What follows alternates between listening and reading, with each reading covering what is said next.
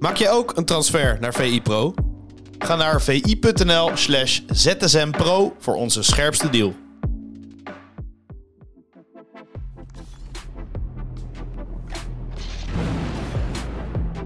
Een nieuwe VI ZSM met uh, Jarno Verweijen. Goedemorgen. Goedemorgen.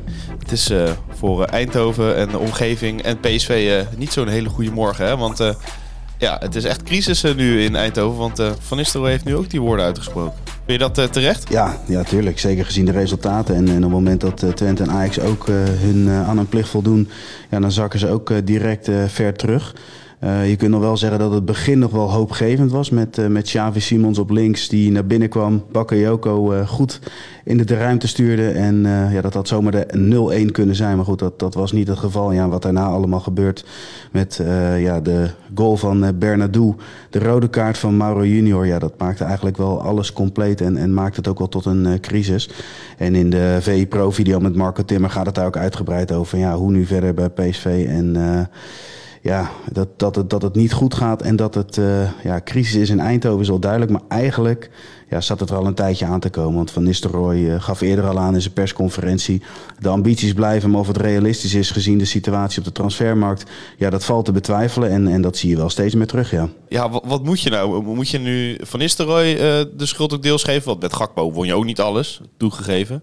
Of, of de leiding, dat je gewoon de handdoek eigenlijk in de ring gooit? Nou, kijk, er is altijd een spanningsveld tussen uh, het, het, ja, technisch beleid en, uh, en de technische staf, laat maar zeggen. Dus eigenlijk de, de directie met, met de staf. Nou ja, goed, uh, nogmaals, de, je moet ook financieel moet je gezond zijn. En daarnaast moet er ook, ja, sportief moet er iets tegenover staan. En je kunt wel stellen van, ja, is, zijn, zijn de ambities, dus het halen van Champions League voetbal, is dat nog reëel? En, en verspil je dat misschien niet? we, we hebben eerder natuurlijk wel eens gehad met Wijnaldum en Memphis. Toen ja. moest het half jaar afmaken. Daarna van de transfer. Nou ja, kijk, en, en daarom zeg ik, je, je hebt nooit de zekerheid dat uh, iets wel of uh, geen succes wordt. Um, dus dat, dat, is, dat is lastig op voorhand in te schatten. de andere kant is nu wel, ja, welke keuze heeft Van Nistelrooy nog? En, en in hoeverre kan hij nog creatief zijn uh, als het gaat, als er ook nog eens een keer wat gebeurt met, met bijvoorbeeld Simons, die natuurlijk nu op een iets andere positie moet gaan spelen.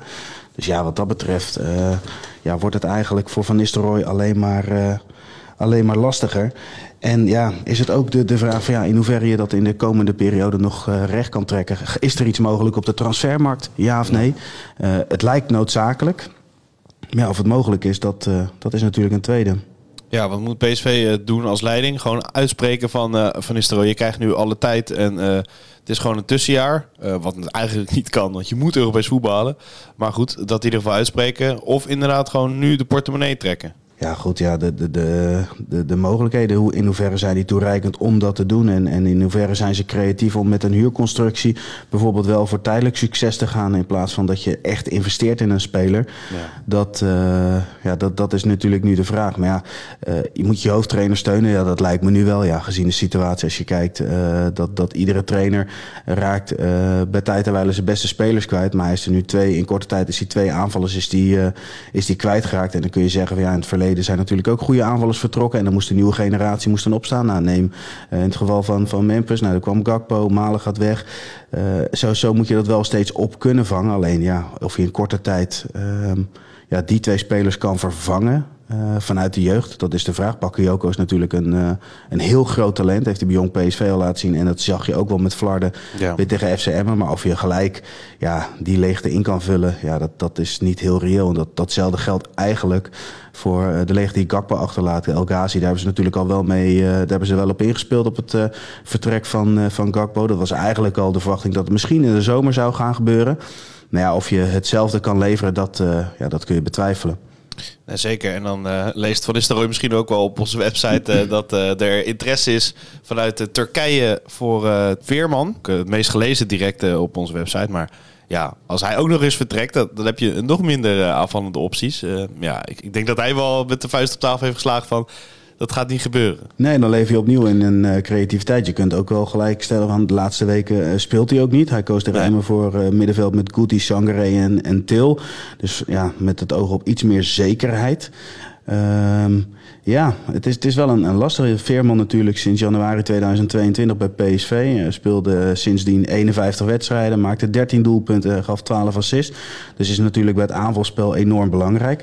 Maar het is wel altijd een beetje zoeken geweest van ja, waar moet hij spelen? En, en bij uh, Smit was het echt als, als controleur samen met uh, Sangaré. Nou, toen kwam Van Nistelrooy, was hij blij dat hij iets hoger op het veld kwam te spelen. Dat is toch iets wat hij graag wil. Dus meer als linker middenveld en dan wat, ja, wat verder naar voren.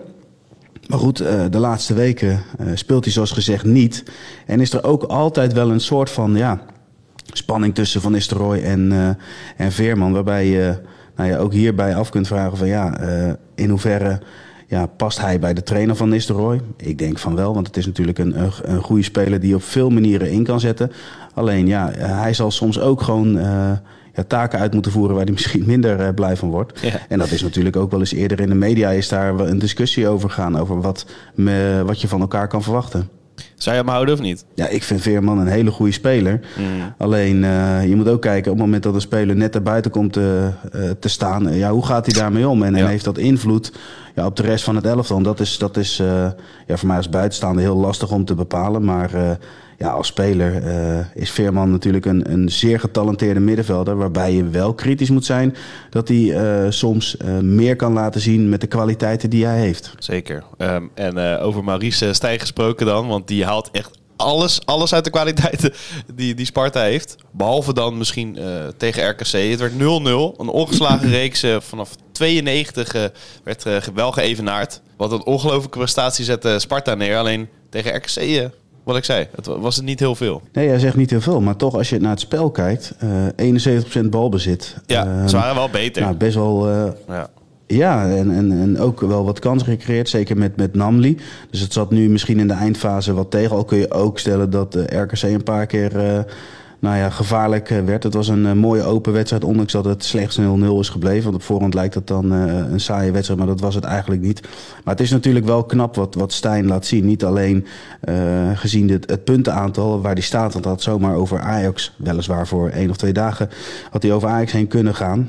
maar de zesde plaats is natuurlijk enorm knap, zeker als je ziet waar ze vorig seizoen vandaan zijn gekomen. Maar misschien de manier waarop is nog wel veel knapper, want ze spelen leuk, attractief, attractief voetbal. Ehm, dat zie je dus ook weer uh, gisteren terug in het uh, nou ja, balbezitpercentage, uh, het aantal kansen dat ze creëren.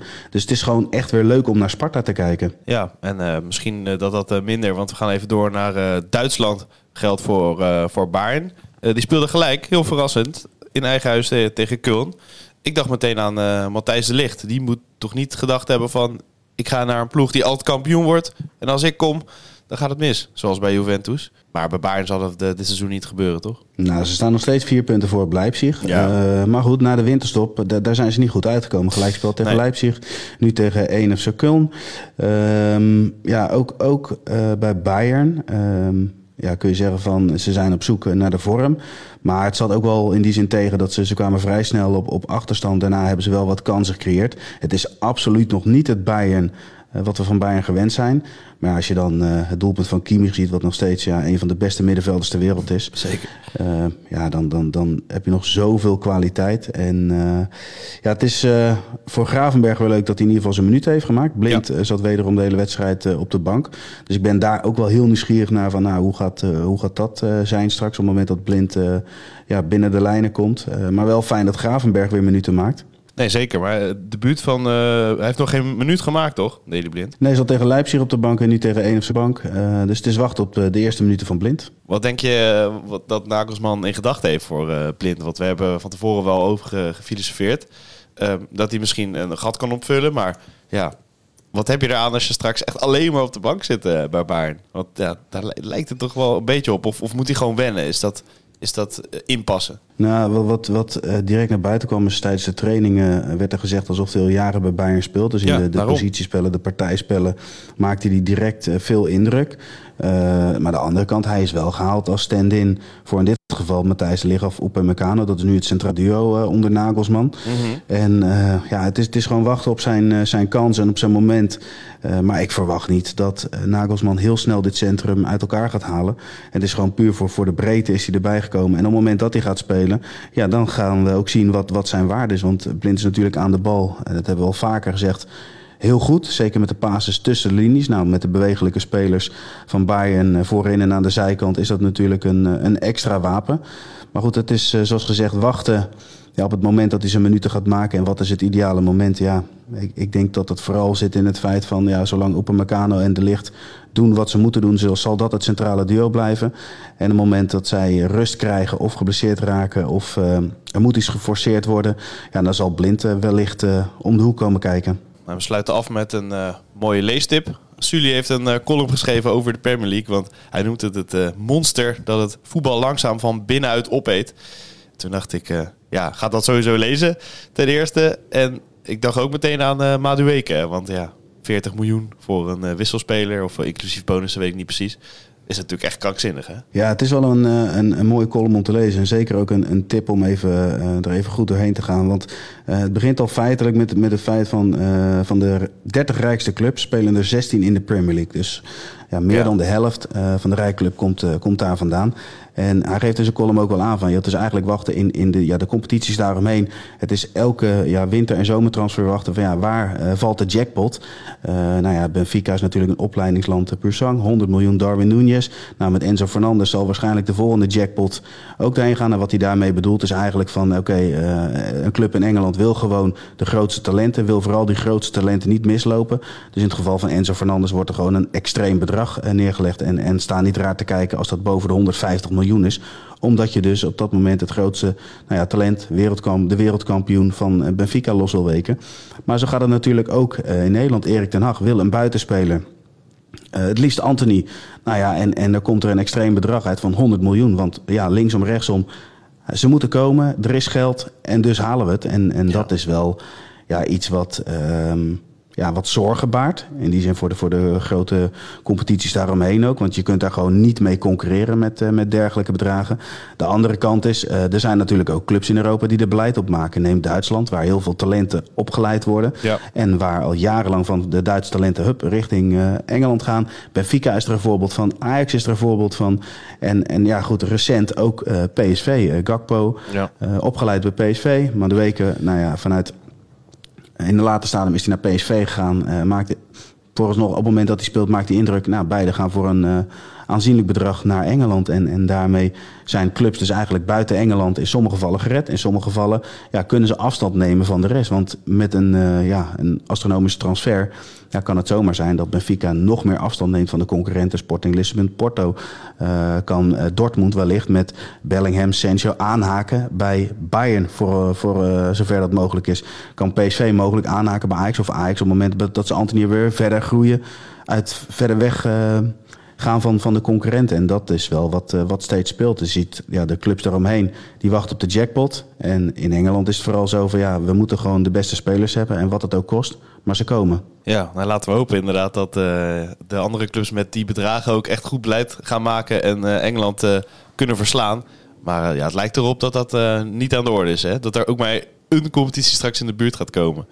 Is het, ja, is het niet al inderdaad ja. de Super League? Want dat hoorde ik uh, jullie ook uh, vaak in uh, zijn video's zeggen. De Premier League is eigenlijk al de Super League. Ja, eigenlijk wel. Ja. Hij zei het deze week in het rondje langs ja. de buitenlandse velden. Van, ja, het, het, is leuk dat die Europese topcompetitie, maar de Super League bestaat al lang. Want je ziet natuurlijk ook al hele grote spelers bij, ja, met alle respect, de mindere clubs in Engeland spelen. Dus in die zin, ja, de Premier League heeft gewoon de status van de beste competities ter wereld. En dat verschil zal alleen maar groter worden. Jarno, ik uh, wil je bedanken. We zijn uh, helemaal uh, rond en we gaan ons opmaken voor de volgende ZSM. Zeker, graag gedaan. Tot de volgende.